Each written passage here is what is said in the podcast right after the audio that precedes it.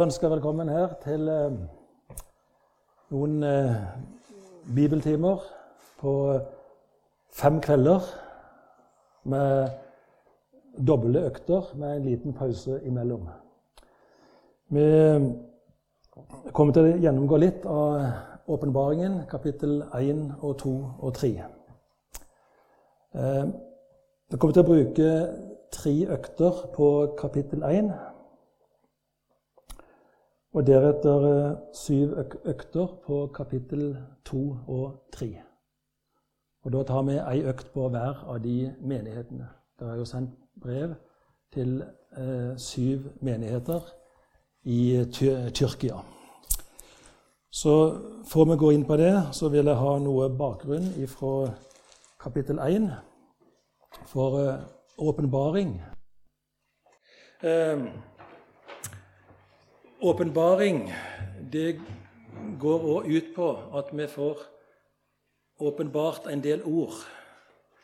Når eh, kristne prater, da bruker de enkelte ord, men eh, hva den enkelte legger i de ordene, det varierer.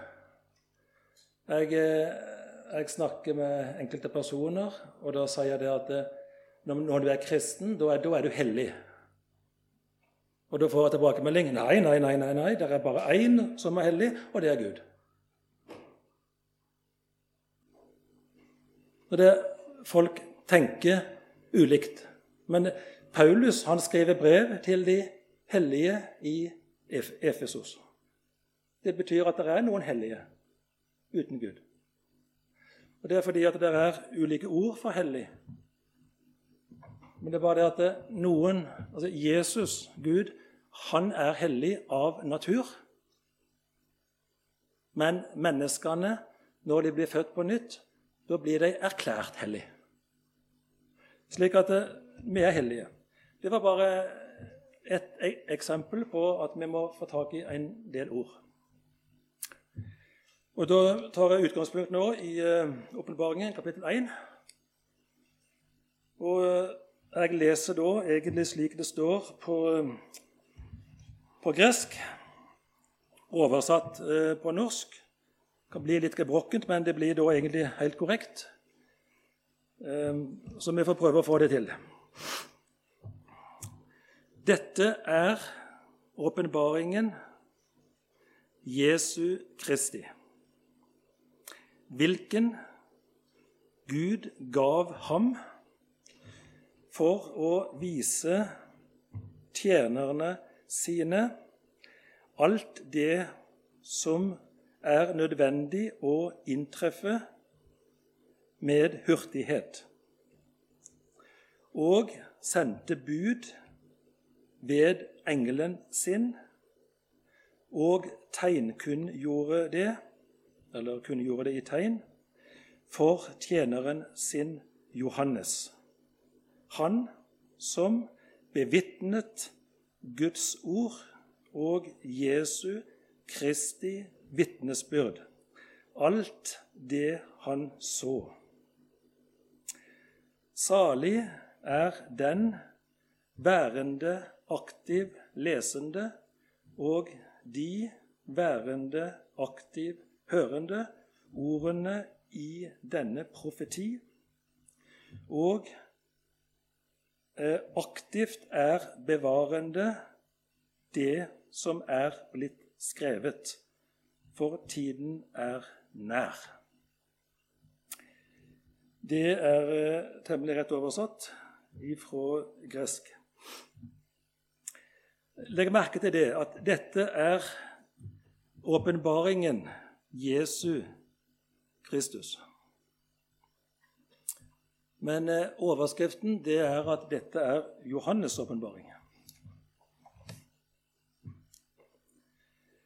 Eh, uttrykket 'åpenbaringen Jesu Kristi' det, I det uttrykket her så ligger det både 'til', og det ligger 'av', og det ligger 'fra'. Så det er jo merkelig, egentlig. Dette er åpenbaringen til Jesus Kristus som Gud gav ham. Altså Gud gir han til Gud. Og det er fordi at Gud, han er én, men han er tre. Hodet identifiserer med med R2.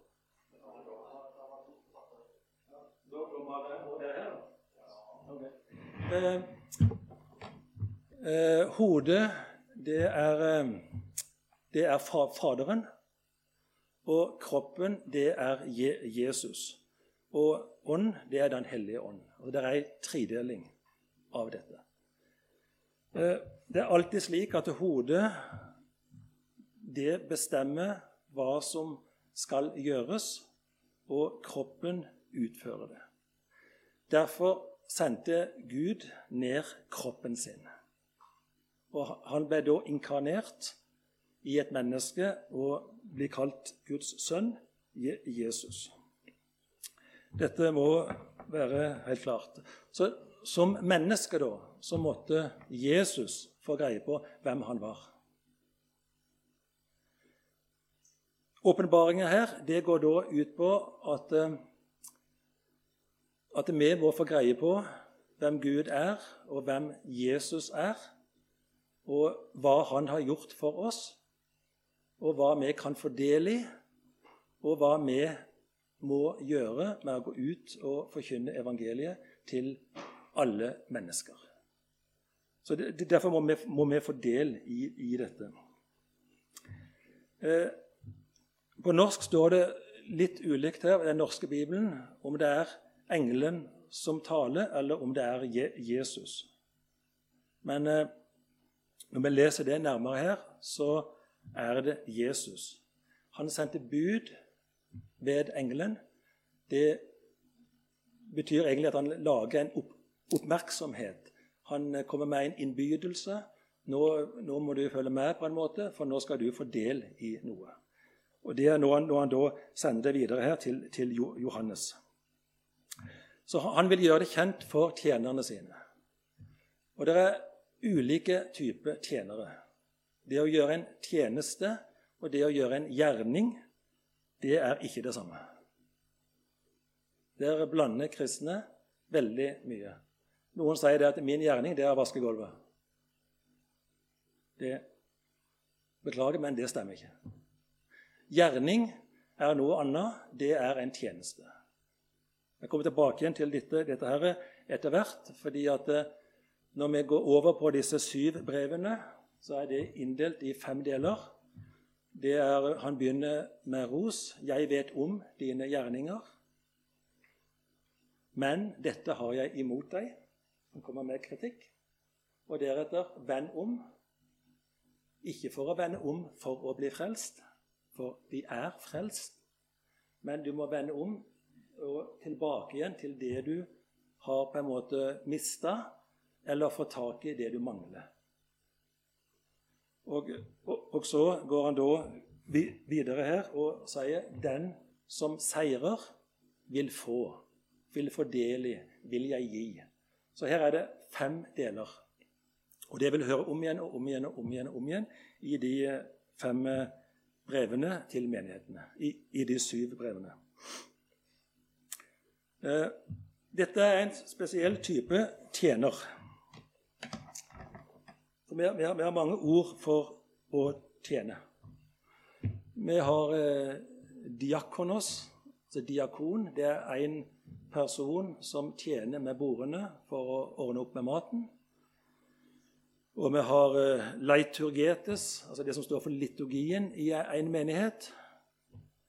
Og, men denne type det han heter dulos, og det betyr kort og godt trell eller slave. Så det at, det at Når Jesus skal bruke Johannes her, så kaller han seg sjøl 'Jeg er Jesu Kristi trell'. Det er egentlig det det står på gresk, ikke tjener. Han, han eh, spesifiserer hvem, hvem, han er, og hva han skal gjøre. Eh, det å være en tjener, det innebærer lydighet. Altså du bøyer deg 100% for din Herre. Og Det er derfor du må på en måte få en åpenbaring for å vite hva du, hva du har, og hva du skal gjøre. Det er én måte å få åpenbaring på. Det er å være lydig. Igjen har vi ord her kristne eh, blander. Jeg sier det at vi må være trofaste mot Gud. Det er feil. Mot Gud skal vi være lydige. Og da er Gud trofast. Eh, det gjaldt temaet Jesus når han ble inkarnert og var menneske. Så var han lydig. Det står i Bibelen at han var lydig til døden. Ja, til døden på korset. Det var ikke det at han var trofast, men han var lydig. Men Faderen han var da trofast fordi Sønnen var lydig. Og vi har ordet 'troverdig'. Troverdig det betyr at det er verdt å tro på. Det er verdt å tro på en person som du ser har ei tro, og han er lydig mot Herren. Så ikke bland de tre ordene her. Troverdig og lydig og trofast. Der er det mye blanding av kristenfolket.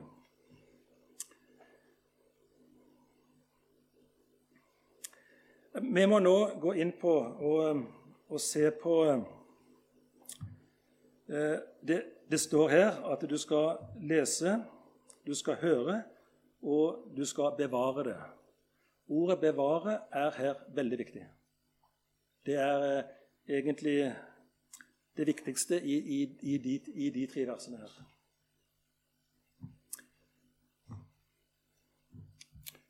Det det er mange ord på gresk for å bevare noe som vi finner i, i Bibelen. Eh, det dere kjenner til, bl.a., det er eh, altså Når jeg sier det ordet nå, så kjenner dere til det ordet. Et ord som heter fylasso, å ta vare på, med substantivet fyllake. Og fyllake betyr kort og godt fyllerest, fengsel.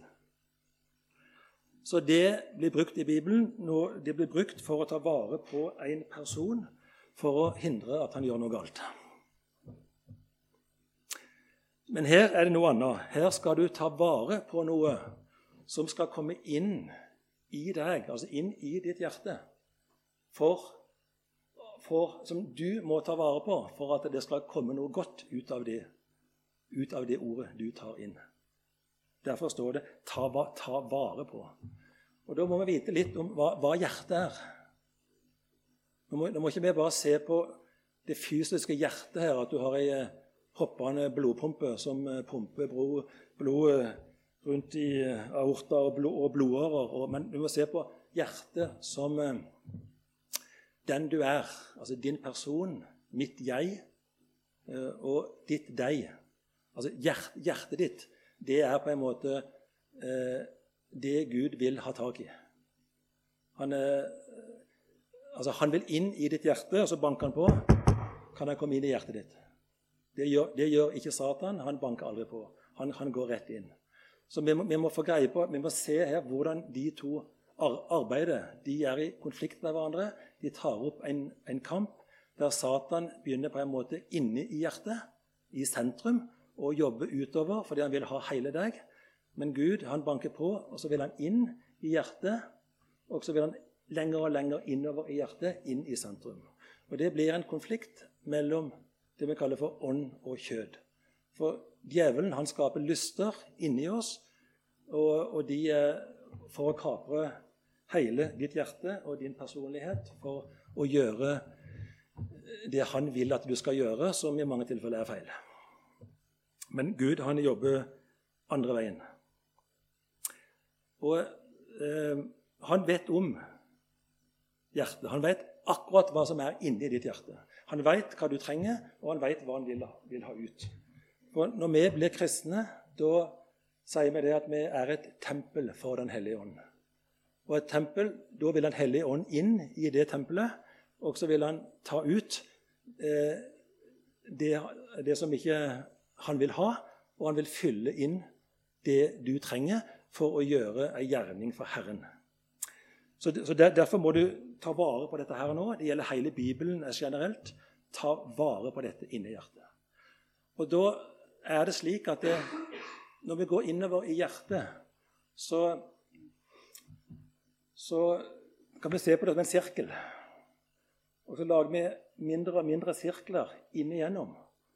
Og da har vi ulike navn på dette for å komme inn i sentrum.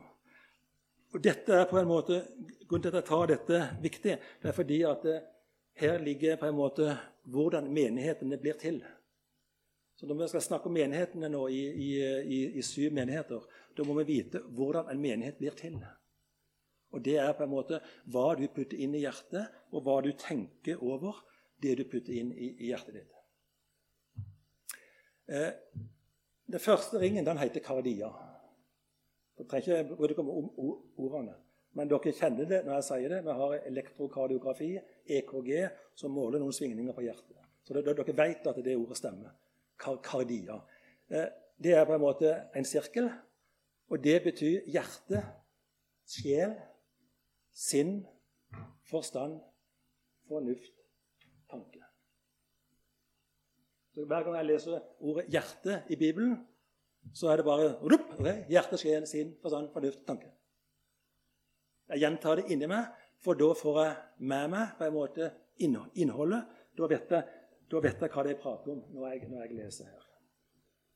Går du en sirkel til inni, da heter det psyke. Det vi kaller syke. Vi har en psykisk tilstand inni oss. Vi har uh, fine ordet, tyske ordet gefühl. Altså vi har, vi har følelser. Vi kjenner noe. Vi kjenner godt, og vi, vi kjenner ondt inne i hjertet. Som da, Siden det er inni hjertet, så fører det til at eh, når vi opplever noe vondt, så øker blodtrykket litt, og så er det litt over 100. Undertrykk og overtrykk på 180, og så kjenner du dunk, dunk, dunk, dunk, dunk, dunk, dunk Og så kjenner vi dette her. Og det da altså sjel, altså psyke, det heter Da tar du vekk hjertet. Da står du igjen med sjel, sinn, forstand, fornuft, tanke. Da har vi gått innover. Så når, når, vi bruker det ordet, da har vi sagt det at ok, nå har vi kommet innover i hjertet. Ikke i dypet, men nærmere sentrum av hjertet. Neste sirkel inni her det heter nevs, eller nus, eller noia.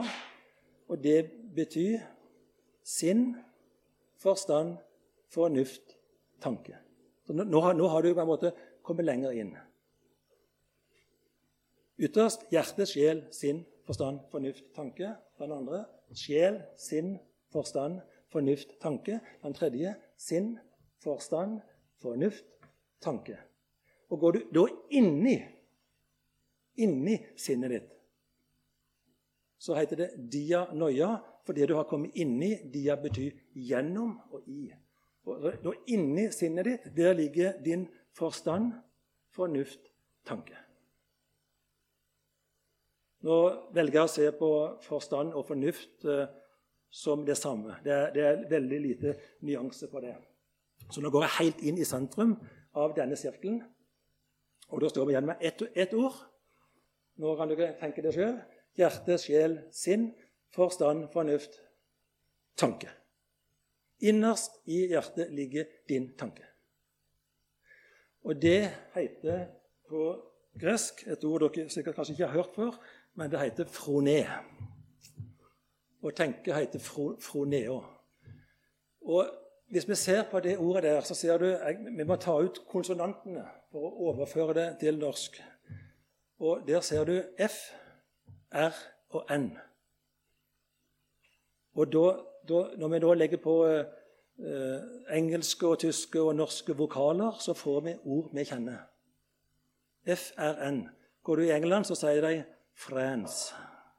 Går du til Tyskland, sier de 'Freunde'. Går du til Norge her, så blir det 'forening'.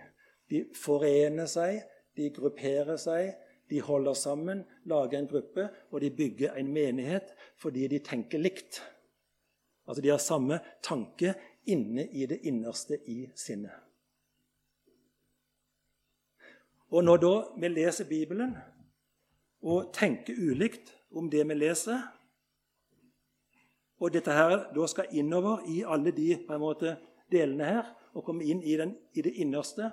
Så får vi ulike tanker, ulike ideer, ulike meninger, og vi får ulike kirkesamfunn. Og det har blitt veldig mange etter hvert.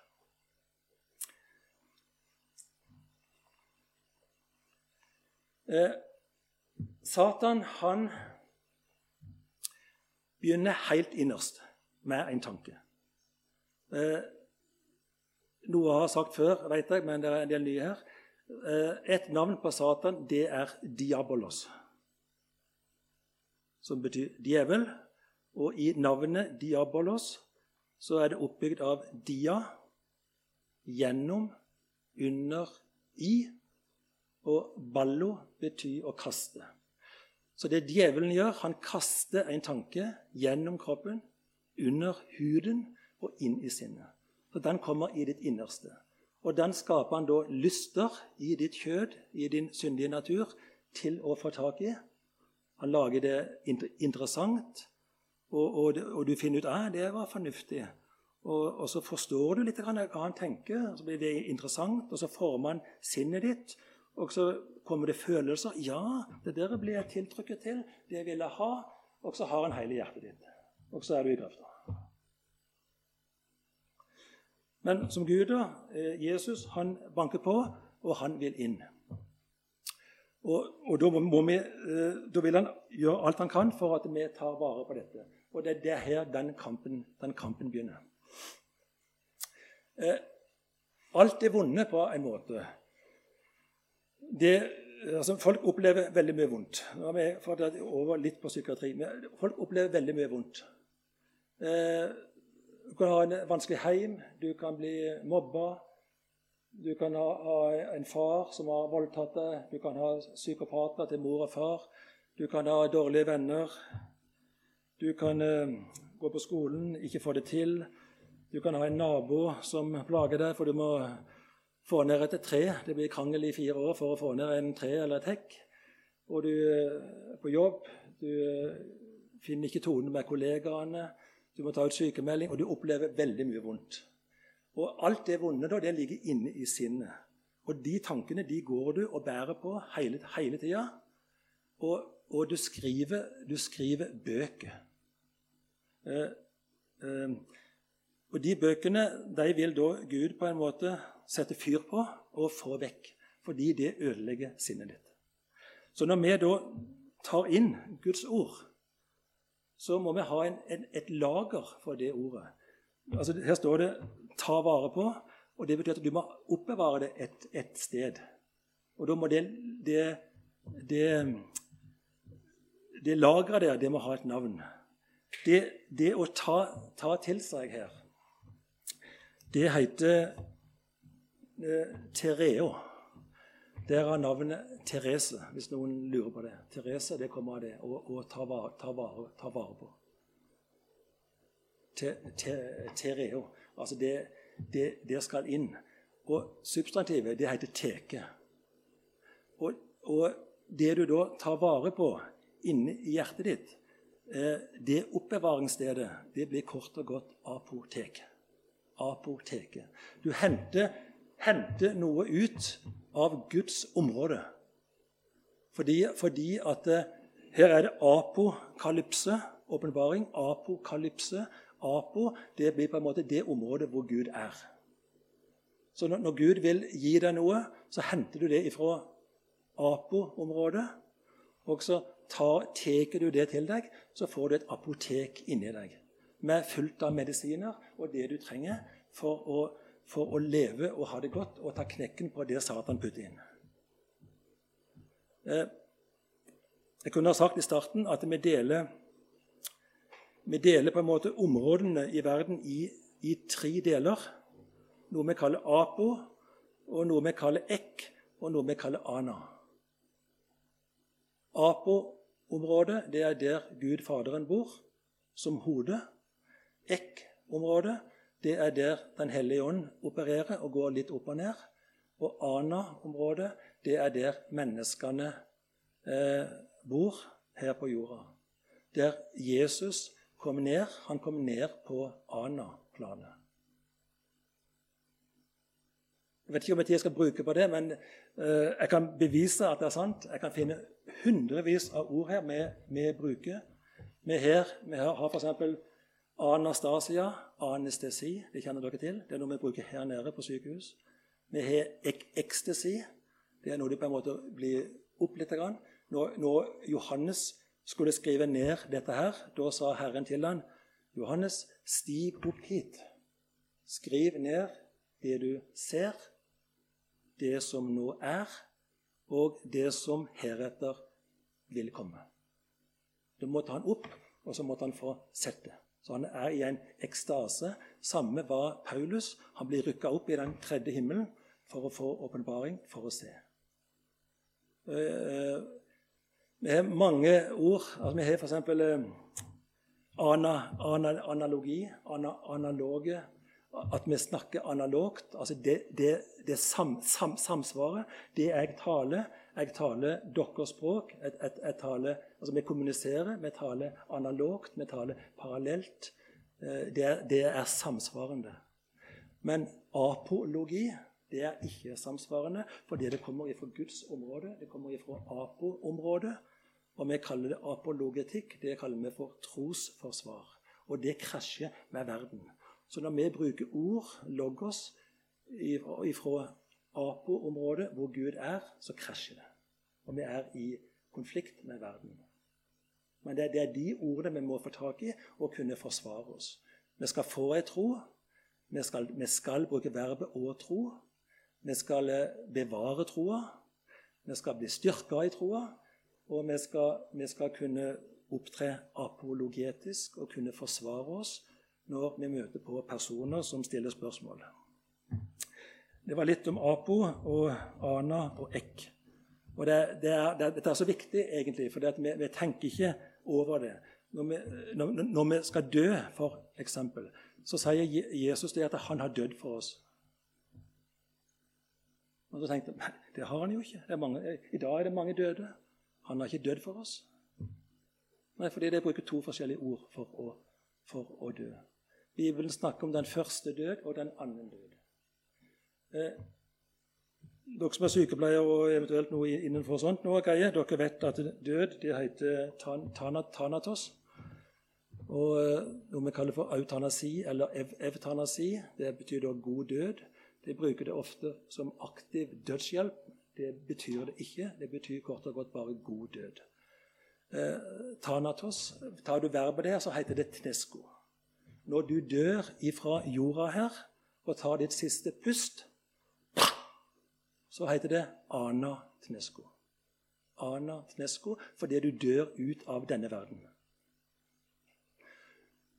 Eh, når, Hvis du da har kommet til tro på Jesus, blitt en kristen og, le, og leve, leve, et liv sammen med han, da skal du slippe den, an, annen død, og den heter apotnesko. At du dør vekk ifra muligheten for å komme tilbake igjen til Gud på Apo-området, der Gud vil ha deg. Og det var den døden Jesus døde. Apo-tnesko-døden. Han døde slik at du ikke trenger å dø ut av Guds rike, selv om du er vekk ifra det pga. syndefallet, som han har på en måte eh, eh gjort, opp, gjort opp, opp igjen. Eh, ordet apostasia, det betyr, som du har brukt her, altså anastasia, ekstasia, apostasia. Så er apo det er det området vi, vår, vi hadde vår status, stilling, posisjon på apoplanet, på det området hvor Gud er. Men pga. syndefallet så ble det brutt. Men Jesus han vil komme ned. Han kom ned og, og ville løse det for oss og, å gjenopprette dette. Og Her er det så nydelige ord.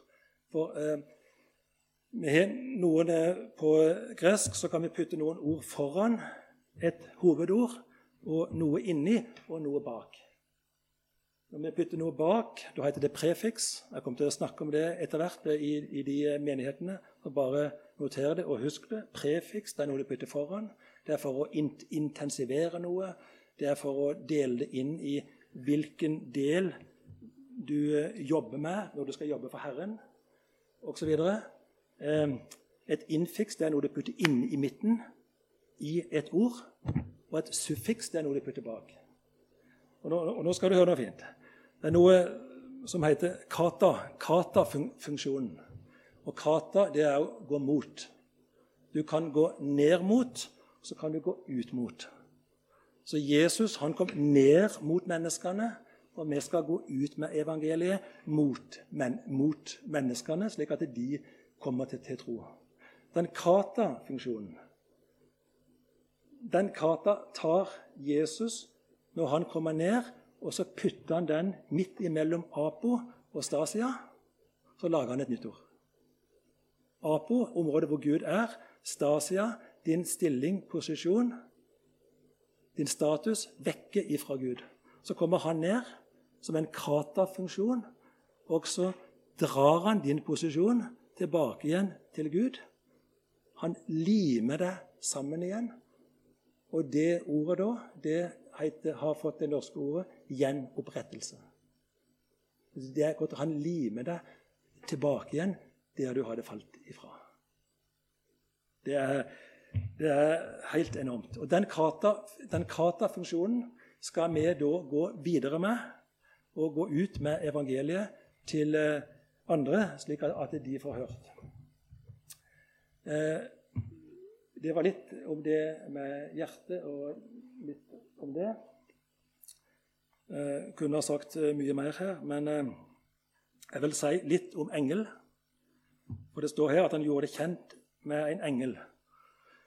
Og der òg er det veldig mye problemer ute og, og går. Fordi vi tenker ulikt. Altså, vi, vi, skal nesten ikke snakke om engel. Det er, det er tabu. Og da må vi vite det at det er Det er eh, Som jeg har nå sagt, Apo og Ana. Så er det to typer da, med to sånne prefikser vi setter foran engel. Engel det heter ang ang angelos. Ang angelos. Og eh, verbet heter ang angello. Så når Gud sender ned noe fra Guds område fra Apoplanet og ned, så heter det app angelo. Det kommer ned. Og det er engler av natur.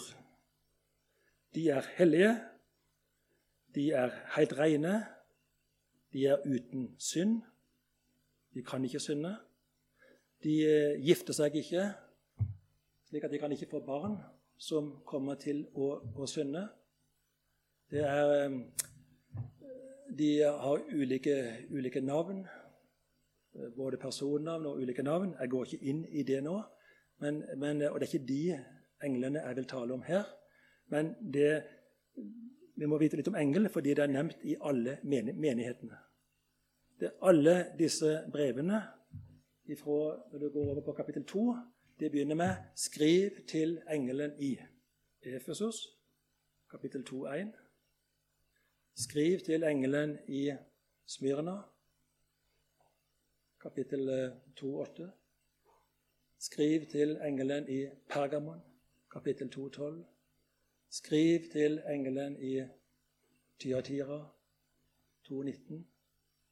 2,18. Også, også videre i, til alle menighetene. Så vi må vite litt om hva en engel er. Det er tydelig at det er en engel i menigheten. Og da er det Da bruker vi ana foran. Altså an, an angello. An angello. Hele ordet engel det betyr en budbærer, en som kommer med et budskap. Og det skal egentlig alle mennesker gjøre. Vi skal forkynne evangeliet, komme med et budskap til de vi møter. Og da er det ulike måter å gjøre det. Vi, vi, putter da et prefiks foran verbet 'angello'. Og Det første jeg tar nå, det kjenner dere til. Putter foran 'ev' foran angelo. Da får du 'ev-angello'. Og det blir da evangeliumet. Du blir en evangelist. Så en evangelist er en engel i hermetegn. Ikke en engel ifra himmelen som kommer ned, som er hellig og uten synd, som Gud sender, men en, en, en person, et menneske, som Gud bruker i en englefunksjon. Jeg gjentar det. Jeg vil ikke ha på meg at jeg har sagt at mennesker er engler. Mennesker er ikke engler, men Gud bruker et menneske i en englefunksjon. De som kommer ovenfra og ned, de er engler. Når Gud vil sende ut en person, forkynne evangeliet, så har han en engelfunksjon. For det er oppbygd av verbet 'angello', som blir puttet foran det ordet, og det er ordet 'evangelist'. Når vi skal ut med evangeliet, så putter vi foran veldig mye her. Vi bruker foran kata, altså «katt» «angello», akkurat som Jesus han kom ned, hadde en kata-funksjon for å lime oss sammen. Så skal vi gå ut, og det heter å gå ut til folket og det at vi påtar oss en kata-funksjon. Det er den delen når du går ut og forkynner evangeliet. En kata-funksjon. Når du går utover, så skal du være ved siden av det, men av det mennesket. Og det heter for en para-funksjon. Og verbet par angello. Igjen er det angello som viser at du er sendt ut. Du er en budbærer. Du kommer med et budskap ifra Herren. Para betyr 'ved siden av'. Har de ordet para, parabol? Det ligger noen signaler inni her, og så må du koble, koble deg på. Så, så du, når du, du, går ut, så må du koble deg på de menneskene du ser, og, og undersøke om kan jeg forkynne evangeliet til deg. Og være med deg. Disse menneskene de skal du lytte til. Du skal se dem, du skal støtte dem, du skal styrke dem, du skal inngå et vennskap med dem, slik at de kan få det godt, at du virker troverdig, og at du kan forkynne evangeliet. Og Den tredje her, da, når du har oppretta dette, da påtar du deg en dia-funksjon. Og Da heter det di angelo. Og de betyr gjennom. Altså Du skal tale da evangeliet slik at det kommer gjennom og inn i, inn i hjertet til den personen du prater med. Eh, da vet dere litt om hva det vil være å være en trell. Eh, dere vet eh, engel. At eh, menneskene Gud bruker mennesker i en englefunksjon for å forkynne evangeliet. Det har ingenting med engler ifra himmelen å, å gjøre. Og, og, um, vi må ta vare på dette som Gud vil gi. Det, det må da inn i hjertet. For Gud han har full kontroll av hva som er inni ditt hjerte. Det har han i sine øyne. Det er et kjempefint ord. Jeg bare nyter det. Jesus han har kardio gnostes oftalmos. Kardia hjerte, gnosis kunnskap, oftalmos optikk øye. Altså I hans øye så har han optiske øyne, slik at han har fullstendig kunnskap om alt det som er inni ditt hjerte. Og han veit hva han vil ha ut, og han veit hva han vil ha, inn. For å få det innover i hjertet, og gå litt tilbake der, så trenger vi kjærlighet. Det er tre ord for kjærlighet. Vi har hørt mange ganger før. Nå er denne eros-kjærligheten, den endimensjonale. Vi har filos, altså venn, venn, vennskap menneskene imellom. Og vi har agapekjærligheten, den tredimensjonale, ifra Gud. Det er, og dette her er agapekjærligheten. Du trenger agapekjærligheten. Og Da er spørsmålet hvordan får du tak i den?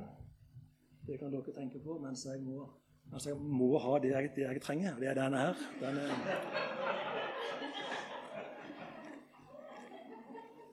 Uten, den, uten dans er ikke livet verdt å leve. Jeg, bruker å si det sånn at jeg, må, ha, jeg må ha Pepsi Max og Je, Jesus. De, de, de, to det er det jeg trenger. Er, det er kun det jeg trenger. Så hvordan får vi tak i kjærligheten? Hvis dere slår opp i Romerne 5.5 Dere trenger ikke gjøre det, for det, det, det står der.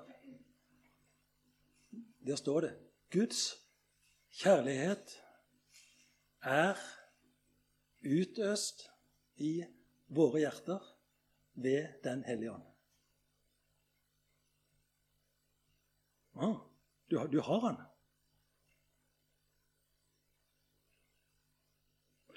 Den må du ta i bruk.